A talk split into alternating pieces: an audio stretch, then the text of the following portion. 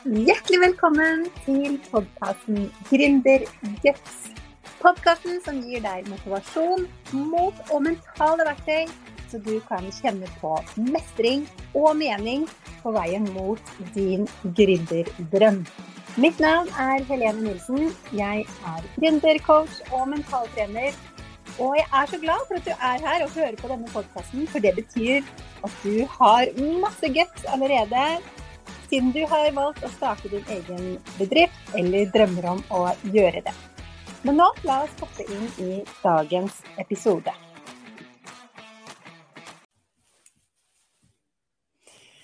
Hei og hjertelig velkommen til en ny episode av podkasten eh, Gründerguts.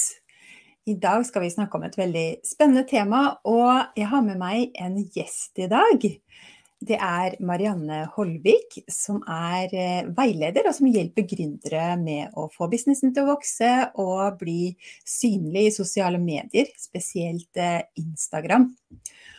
Og hjertelig velkommen, Marianne. Tusen takk. Veldig hyggelig å være her. Veldig hyggelig at du er her også.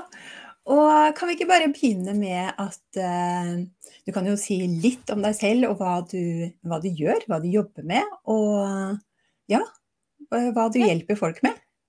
Det kan jeg gjøre. Ja, som sagt så heter jeg Marianne, og jeg er, eh, er veileder. Eh, og jeg hjelper da businesser da, og bedrifter med å markedsføre seg selv på sosiale medier, og særlig Instagram. da.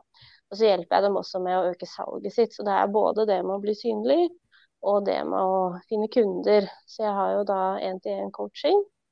Eh, og så lanserer jeg også snart en innholdskalender med 365 eh, ideer, innleggsideer, som man kan bruke, da, slik at man slipper å sitte og gruble hele tiden på hva man skal dele på sosiale medier, for det er jo slitsomt for veldig mange. Um, så har jeg studert psykologi og bor på Vestlandet da, sammen med familien min. Ikke sant. Så kult. Og det med ja, hva man skal poste på sosiale medier, det er jo noe man kan gruble, gruble ja. seg i hjel på omtrent. Og det, det er jo ja, og det er jo det vi skal snakke om i dag. Også dette med å liksom være komfortabel, egentlig. da, Med å være synlig på sosiale ja. medier og det mentale eh, bak det. Og du driver jo også en kjempestor Instagram-konto som heter Vakre dikt. Som har det er vel snart 18 000 eh, følgere. Mm. Og, så du har, jo, du har jo mye synlighet i sosiale ja. medier. Og den kontoen har jeg fulgt lenge, faktisk. Og det er jo eh, veldig flotte dikt du skriver om eh, psykisk helse og relasjoner. Mm. Og mange av de diktene treffer meg veldig. Og jeg lurer på hvordan, eh, hvordan har det vært for deg å være synlig i sosiale medier? Er det noe du alltid har følt deg komfortabel med? Eh, ikke egentlig. Eh, jeg husker jo faktisk Jeg lagde jo vakre dikt da, poesikontoen min i 2017. Eh, og det syns jeg jo var såpass skummelt at da var jeg jo anonym. Så da lagde jeg meg faktisk et sånt pseudonym, da, som det heter. Et falskt navn. Oh, ja. Så latet, jeg som, så latet jeg som om jeg het eh, Vanessa Marie Wang, faktisk. Så okay. det var veldig mange som trodde at det på en måte var den jeg var, da, og, og det jeg het. Og så hadde jeg faktisk en, en blomst som profilbilde. Ikke sant? Eh, nei, så På den tiden så var det mange som kalte meg Vanessa. Eh, og så etter hvert så begynte jeg å tenke at det, eh, det gikk jo veldig fint. Jeg fikk veldig gode tilbakemeldinger på det jeg gjorde. Mm. Så da fikk jeg jo lyst til å slutte å være anonym. Eh, mm. Men det satt langt inne. Det var mm. mye fram og tilbake inni mitt eget hode i forhold til hva kommer folk til å tenke? Hva hvis folk jeg kjenner, ser meg? Hva vil de tenke? Hva vil fremmede tenke? Um, hva hvis jeg blir utsatt for nettroll? Altså, det var mye mm. sånne, sånne frykter da, med å være synlig, og den tanken på at det var så mange som potensielt kunne se hva jeg holdt på med, da. Ja, det tror jeg mange kjenner seg igjen i som eh, gründere òg, fordi det er jo en ganske uvant situasjon for oss. Hvis ikke du er vant til å drive med markedsføring i sosiale medier eller være synlig, så, så tror jeg det er noe som nesten alle kjenner på, fordi det er liksom sånne menneskelige frykter som vi alle har, egentlig. Ja, Men eh, hvor lenge er det siden du starta den kontoen? Eh, om det kanskje er fem-seks år, tror jeg. Ja, ikke sant. Det begynner å Ja. Og hvor lenge hadde du drevet den før du begynte å vise navnet ditt på den kontoen? det tror jeg faktisk var eh, et helt halvt år. Det var, ja. Eh, var, lenge, men så tenkte jeg at nå må jeg prøve. Så da mener jeg huske at jeg starta med å dele en selfie i Story. Ja. Jeg delte faktisk ansiktet mitt før navnet mitt. Ja. Og så delte jeg fornavnet mitt, så da var jeg på en måte Marianne. Mm. Og så da eh, ansiktet mitt som profilbilde, og så til slutt så putta jeg på etternavnet mitt òg, da. Ja, ikke sant. Så da ble nå... jeg jo og, ja. Ja. Si, ja. Jeg ble oppdaget av folk jeg kjente eh, på ja. det tidspunktet. Og da begynte jo folk å snakke om det. Eh, men det var eh, positivt. Så det mm. var liksom Alle syntes det var spennende og gøy. Og uh, syntes folk syntes det var veldig kult at jeg hadde klart å få så mange følgere, og at jeg hadde så mye engasjement. da. Mm. Så det mm. ble jo egentlig bare en opptur, kan du si. Ja. Og nå hjelper du eh, andre Er det hovedsakelig gründere du, du jobber med? Og hjelper dem med å være synlig? Ja, det er ikke bare gründere. Jeg jobber også med network marketers, um, influensere, uh, skapere. Altså alle som ønsker å finne kunder da, ved hjelp av mm. sosiale medier, eh, ja. jobber jeg jo med, da. Hvis de er ja, hvis det er seriøse folk da, som har faktiske mål og som står på og jobber og er motiverte, så, så hjelper jeg de. Ja. Er det ofte at du hører at eh, det er eh, mange som er redde for å, å være synlig blant dine kunder? Ja, eh, det er nok det. Og det som er litt sånn rart, er jo at nå er det såpass lenge siden jeg var så redd for de tingene selv, at jeg hadde glemt det mm. litt. Ja, sånn man gjør det. Begynte, ja, når de da begynte å snakke om det, så tenkte jeg bare sånn der Hø, er du redd for det? Og så bare Jo, det var jo jeg redd for òg. Ja. Det er liksom så langt tilbake i tid at jeg huska det ikke. Sånn at jeg må ofte ta den praten med folk altså, om de følelsene de har knytta til det, og eh, jobbe seg litt gjennom den frykten, da. Mm. Hvordan er det du veileder dem da? spør jo ofte hva, hva, det er de tenker på, hva det er de er redd for. Det er jo stort sett dette her med det potensielle, at det er så mange som kan se de, og folk som kjenner de, og mm. Det som kanskje folk flest er aller mest redd for, det er jo å vise seg på video. Ja. Og det er veldig mange som sier at jeg har ikke lyst til å danse på video. For det syns jeg bare er kleint. Og da sier jeg på en måte at men det trenger du ikke gjøre. Ikke sant? Og danse ja. er det er én ting du kan gjøre, men det finnes ganske mye forskjellig som du kan starte med. Så jeg pleier ofte å si til folk at begynn med det som du er mest komfortabel med å gjøre. Ja, og så tar du på en måte et steg fremover. Fordi det kjente jeg med meg selv at når jeg la ut den selfien, så hadde jeg brutt en barriere. Og så var ikke det skummelt. Og da kunne jeg på en måte dele fornavnet mitt. Og så gikk ja. det fint. Og da turte jeg på en måte å dele etternavnet, og så gikk det fint. Sånn at Eh, det mm. som, når jeg studerte psykologi, så lærte vi jo litt om eksponeringsterapi i forbindelse mm. med angstlidelser. Og dette er jo ikke noe angstlidelse, men da gjør man det også på den måten at man begynner i det små. Så hvis du f.eks. har angst for edderkopper, så begynner du mm. faktisk med å se på et bilde av en edderkopp. Ja. Før du da etter hvert kanskje ser på en levende edderkopp i et glassbur, og så kanskje holder den. Sånn at du tar det på en måte stegvis. Ja. ja. ikke sant. Veldig god sammenligning, egentlig. Fordi eh, det er jo eh, den skritt for skritt-metoden har jeg jo merka sjøl at det er veldig, veldig effektivt. Og jeg tror det er så fort gjort at vi tenker at vi skal Eh, være på et eh, sted som er på en måte langt fram. ikke sant? Og vi ønsker så gjerne å være Vi ser jo mange andre eh, gründere kanskje som har kommet lenger enn oss, og så tenker vi å, jeg vil også ha en Sånn tenkte i hvert fall jeg. Jeg vil også gjerne ha en livesending på 30 minutter, liksom. Men når jeg starta òg, så var det sånn det, var, det, var, jo et mareritt, på en måte. og og jeg gikk jo flere dager og grua meg bare til å ha en livesending på noen få minutter. Så, men det, når man starter da med f.eks. bare være, ha, legge ut en video på noen få sekunder kanskje, da, i story, mm. ikke sant. Så, så, trenger det ikke å være mer enn det i starten, og så kan man gå, gå gradvis. Men kan vi komme litt inn på um, det med å være synlig på sosiale medier, da, hvorfor det egentlig er viktig, kanskje? Eller hva, hva tenker du rundt det, og hvordan jobber du med kundene dine med Altså hva, mm. hva legger du vekt på, hva er viktig, eh, og hva skal man poste, egentlig? Og hvordan skal ja. synlig? ja, ja, ja. Nei, altså det er jo viktig. Fordi at hvis ingen vet at du finnes, eh, så blir mm. det jo heller ikke noe salg, selvfølgelig. Det er jo kanskje litt sånn kanskje litt sånn åpenbart, men uh, det er ikke alltid man tenker på det. Fordi at man kanskje sitter med det man selv synes er et fantastisk produkt, da. Eller mm. en supernyttig og hjelpsom tjeneste. Uh, så man tenker at dette må jo bare selge. Men så gjør det jo ikke det, hvis på en måte for få mennesker vet om deg. Så det er jo derfor Nei. du trenger den synligheten. Uh, for at du skal bli oppdaget, og folk skal bli klar over at dette tilbudet eller dette produktet finnes. da. Ja, ikke sant. Og det er jo så mye der ute, så folk trenger jo se det mange ganger òg, før det faktisk på en mm. måte blir oppfatta. Ja, det er sant. Man sier jo det at man må se en reklame jeg lurer på om det er i gjennomsnitt syv ganger før man kjøper. Ja, det har jeg hørt mange ulike tall på. Jeg tror nesten det tallet blir høyere og høyere ja. for hvert år som går nå, fordi det er så ekstremt mye. Ja. Eh, så mange input da, i løpet av eh, en dag. Men eh, hvordan eh, går det fram på en måte for å Når du skal veilede en kunde, hva, hva, er, det, hva, er, det du, hva er det første du gjør på en måte for å øke synligheten? Ja, ja altså Det aller første jeg gjør, det handler egentlig mer om vekst av de riktige menneskene. Og ja. det er faktisk at vi, vi, ser på bioen deres. Litt overraskende kanskje.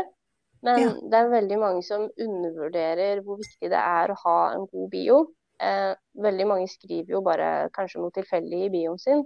Men det mm. som veldig mange gjør, er jo at når du begynner å dele innlegg, og du begynner å engasjere deg i andres kontor, og du sånn sett blir mer synlig, det første folk ofte gjør da, det er at de går inn på kontoen din for å se hva er det her for noe. De er nysgjerrige. Og det første de gjør da, det er å lese bioen din. Sånn at hvis den bioen din ikke tydelig formidler hvem du er, og hva du gjør, og hvorfor det er spennende og interessant å følge deg, mm. så eh, skal det mye mer til for at de følger deg. Noen ganger så følger jeg jo folk bare ved å lese bioen deres, for jeg tenker at å, dette ser jo spennende ut. Mm. Sånn at uh, har du en god bio, så kan du få en person til å følge deg på fem sekunder. Ja, ikke sant.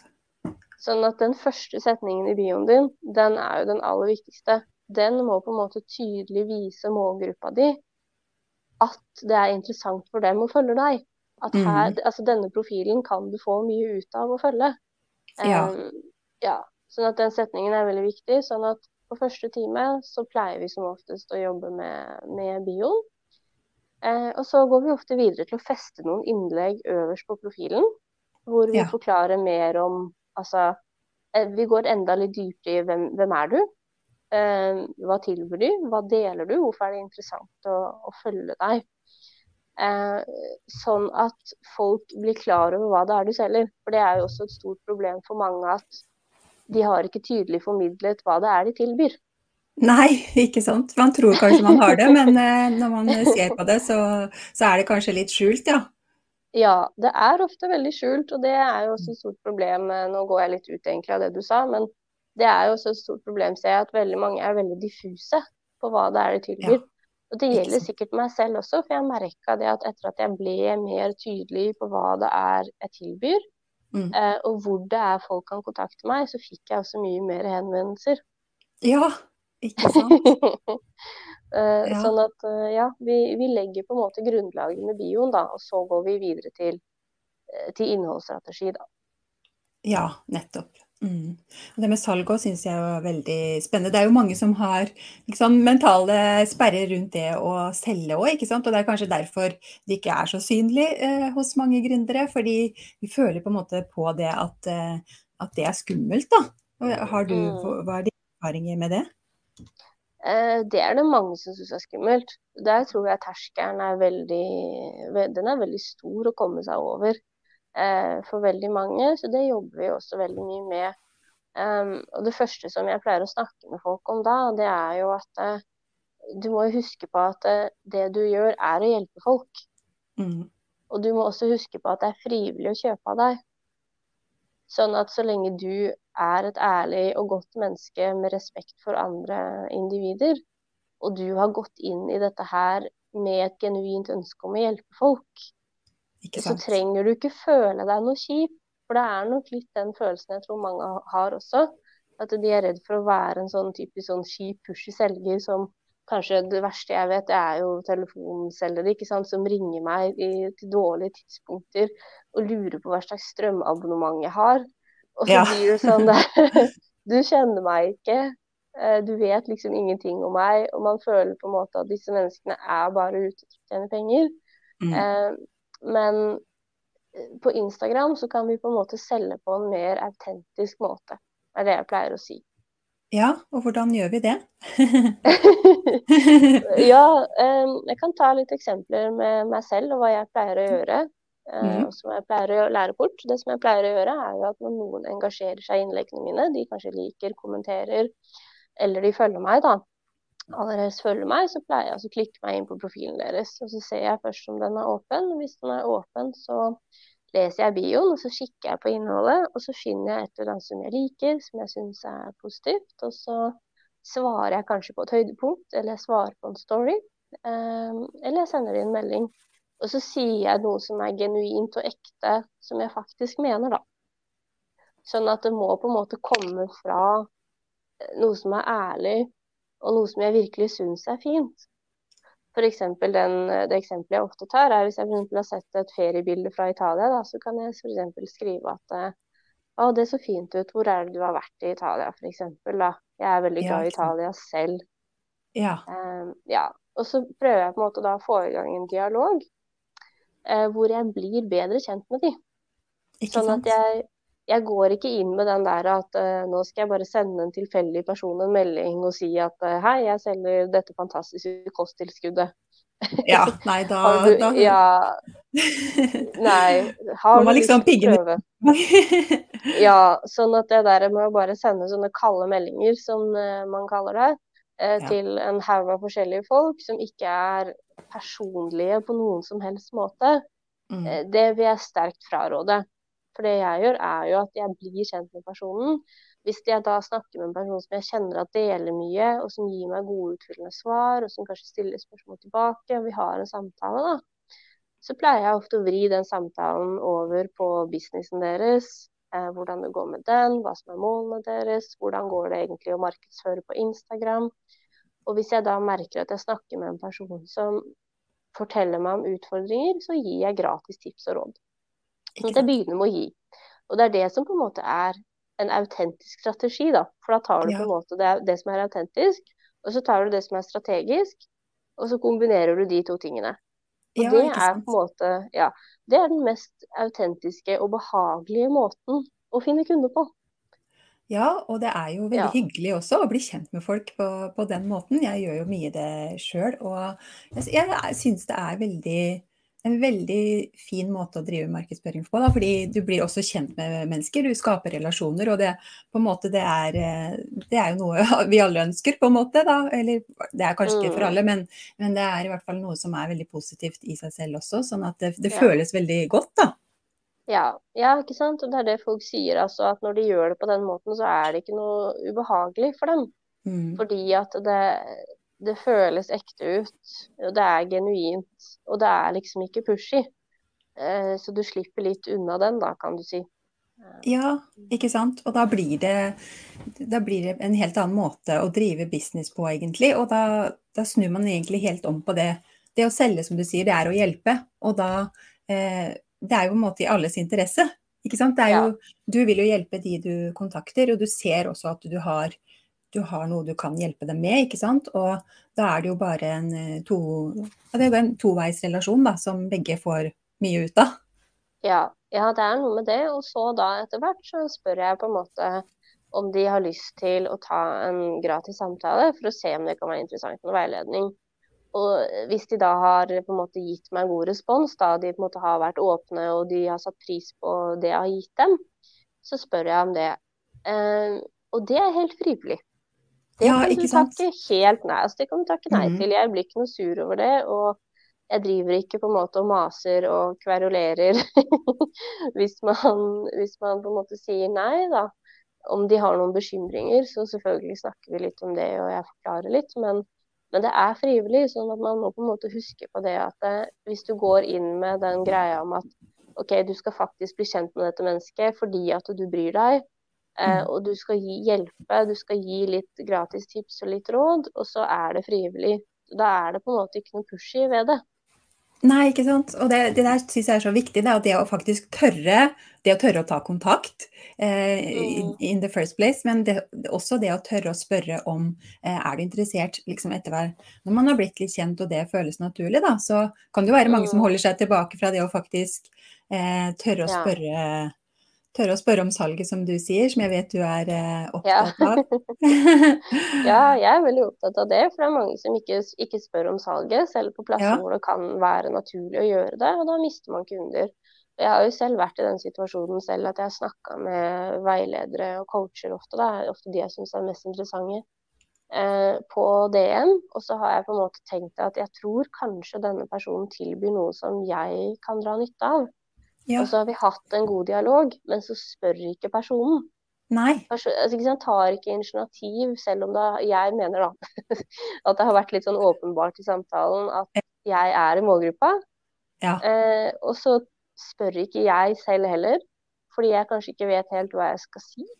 Nei, jeg vet, ikke sant? Jeg, ja, jeg vet ikke helt hva jeg skal skrive, ikke sant. Og da blir det på en måte da går det ikke noe vei, da. Nei, og vet du hva, det har jeg opplevd eh, sjøl også. Jeg har nesten blitt, nesten blitt litt skuffa for at liksom hvorfor, hvorfor, prøver du ikke, hvorfor tilbyr du meg ikke dette? For da får man nesten litt sånn følelse av at er ikke jeg rett kunde for deg òg, ikke sant? Fordi ja. eh, det går jo begge veier, det der. Så ja. man kan bli, faktisk bli usikker som kunde òg, og det tror jeg er litt viktig å tenke på da, når vi eh, ja. er, eh, skal selge noe. At faktisk kunden også trenger den eh, hva skal jeg si, mm. den anerkjennelsen eller eh, på en måte den tryggheten, da. At dette her, ja. jeg ser at dette er riktig for deg. Ja. ja. For det er ikke så lett ja. å vite det selv alltid.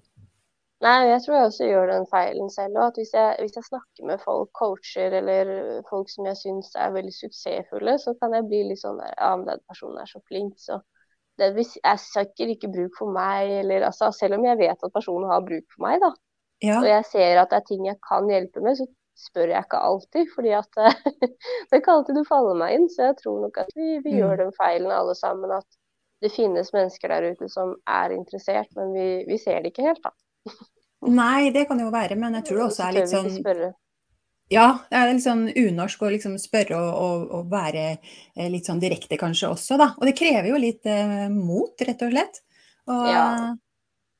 Det, men det gir jo muligheter. Jeg syns det var så fint at du også tok kontakt med meg og, og spurte Du inviterte deg jo faktisk som gjest i denne podkasten, og det berømmer jeg så mye. fordi eh, det, det også viser jo det at liksom eh, Det å tørre å spørre, det, det gir jo muligheter, men det er jo også det gir også mulighet for mm. den du spør. fordi jeg ble jo kjempeglad for å, for å få deg som gjest. Og ikke sant, det er jo noen ganger man ikke tenker på på å spørre selv, eller jeg hadde kanskje ikke Jeg hørte deg på en annen podkast og, og syns det var veldig interessant Du har veldig interessante perspektiver, så jeg var jo veldig glad for å få deg med som, eh, som gjest her. Og det er sånn oppfordring til alle som hører på, tenker jeg da. at uh, bare spør. Hvis, er, hvis, du hører på en podkast du liker og har lyst til å være gjest, så bare spør. Hvis du er noen du har lyst til å ha en livesending sammen med på Instagram f.eks., bare spør på en måte. Og det, mm. ja, det verste du kan få, er jo nei. ja. Ja, ja sånn angående det der med å tørre, så måtte jeg jobbe veldig mye med mitt eget mindset selv. Fordi at mm. Jeg fikk jo ikke kunder i starten, eh, selv om jeg hadde veldig mange engasjerte følgere som sendte meg meldinger, og jeg hjalp dem på DM, og jeg ga de gode tips og råd. Så spurte de jo aldri om vi skulle ha en veiledningstime. Sånn at det var jo da jeg kom over denne Jeg leste meg opp på det og kom over denne strategien med å spørre selv ikke sant? 'Asking yeah. for the sale', sier yeah. man jo på, på engelsk. Eh, men da måtte jeg jobbe litt med det mentale. For da måtte jeg på en måte si til meg selv at sånn som du sier, da, at OK, mm. vet du hva, det verste som kan skje, det er at jeg får et nei. Mm. Men hvis jeg ikke spør, da får jeg i hvert fall et nei. Da, da blir det aldri noe ja. Ikke sant? Det er et godt sånn poeng. At, ja, det er sånn som når folk ikke vil søke på jobber fordi at eh, Å, det, jeg får sikkert ikke jobben. Men da pleier jeg på en måte å si at men du får den aldri hvis du ikke søker. Ja. Nei, det er i hvert fall nei. Liksom, ja, det, det, er i hvert fall nei. Sånn at ja. også dette her med å lære seg å tåle skuffelse. For det var jo den mm. derre Å, hva hvis jeg blir skuffa? ja. tenkte jeg så, ja, hva hvis jeg blir skuffa? Men tenkte jeg, vet du hva, da blir jeg skuffa, så er det litt vondt. Mm. Men så går den skuffelsen over, og så prøver man på nytt. Det er ingen følelser som varer evig. Nei, og så er det noe med det å øve seg på å uh, få nei, og, og, og takle det òg. fordi eh, det er jo den frykten for avvisning som ligger veldig sånn ja. grunnleggende i oss. Og det, det, kan gjøre veldig vondt, da. Men liksom det å øve seg på å um, se at det, det, det, har ikke noe med, med, deg som person å gjøre, eller ditt produkt eller dine tjenester eller verdien da, i det du tilbyr, men det er bare mm. det passa ikke for den kunden akkurat nå. Og, mm. og det passer for en annen, på en måte, men det krever jo litt eh, øvelse. Det gjør det. Man må trene på å bli avvist. og Jeg gikk nok litt inn i det mindset om at OK, nå driver jeg business, jeg kommer til å bli avvist. Det kommer til å være en stor del av det å drive business. Så sånn som jeg mm. spurte deg om eh, du ville ha meg som gjest, da, fordi jeg elsker podkasten din, så tenkte jeg liksom sånn Det kan jo hende at hun sier nei, tenkte jeg, men ja, da, da tåler jeg det. Da står jeg i det. Jeg, jeg, vet at jeg kommer til å få mye nei i løpet av karrieren min, så det, det venner jeg meg til. ja. Samtidig så har jeg opplevd når jeg har spurt uh, om ting, så har jeg nesten i ja, 90 av tilfellene i hvert fall fått ja. Så det er jo liksom noe med det at det, vi tror kanskje at vi får mer nei enn vi faktisk gjør òg, fordi folk syns det er veldig hyggelig å bli både å bli spurt og, og få spørsmål om, om, å bidra, og om å hjelpe til. Det er jo egentlig det det handler om. ikke sant? At vi vil, vi vil gi, gi, verdi til noen andre. Og, og det, det, å huske på det, det tenker jeg er veldig viktig når vi driver, eh, driver markedsføring, driver vår egen eh, business. Men eh, ja. vi skal snart avslutte nå, tenker jeg. Jeg prøver å holde disse episodene sånn under 30 minutter. Men uh, hvor, uh, hvor, kan de finne deg, da, hvis, uh, hvis, det er noen som er interessert i å lære mer av deg på Instagram? Ja, nei, da er det bare å gå inn på Instagram og så søke opp Marianne Holvik, så burde jeg være ganske enkel å finne der. Ja. Eh, og så vil jeg også oppfordre til å gå inn i bioen min og klikke på den linken som ligger der, og laste ned min gratis eh, vekstguide. Hvor du finner noen uh, ukentlige rutiner som du kan gjøre, som er veldig enkle, og som øker vekst og engasjement. da. Og som også bygger relasjoner til mulige nye kunder. da. Så uh, den kan jeg absolutt anbefale. Å, så kult! Jeg kan eh, ta og legge ved link under sendinga her til, eh, til, både Instagrammen din og til den, eh, den, gratis vekstguiden. Det hørtes jo veldig bra ut, så det må vi få ut til flere. Ja, men det er bra. Ja, tusen, tusen takk for at du kom, Marianne, og for at du bidro med din kunnskap og erfaring. Ja, veldig hyggelig å være her. Så jeg er gjerne med igjen, jeg, vet du. Så, ja, det, skal du ikke se bort ifra. ja, så koselig. Mm. Da ønsker jeg deg fint der videre, og til dere som lytter også, så snakkes vi. det gjør vi. Ha det bra. Ha det bra. Ha det.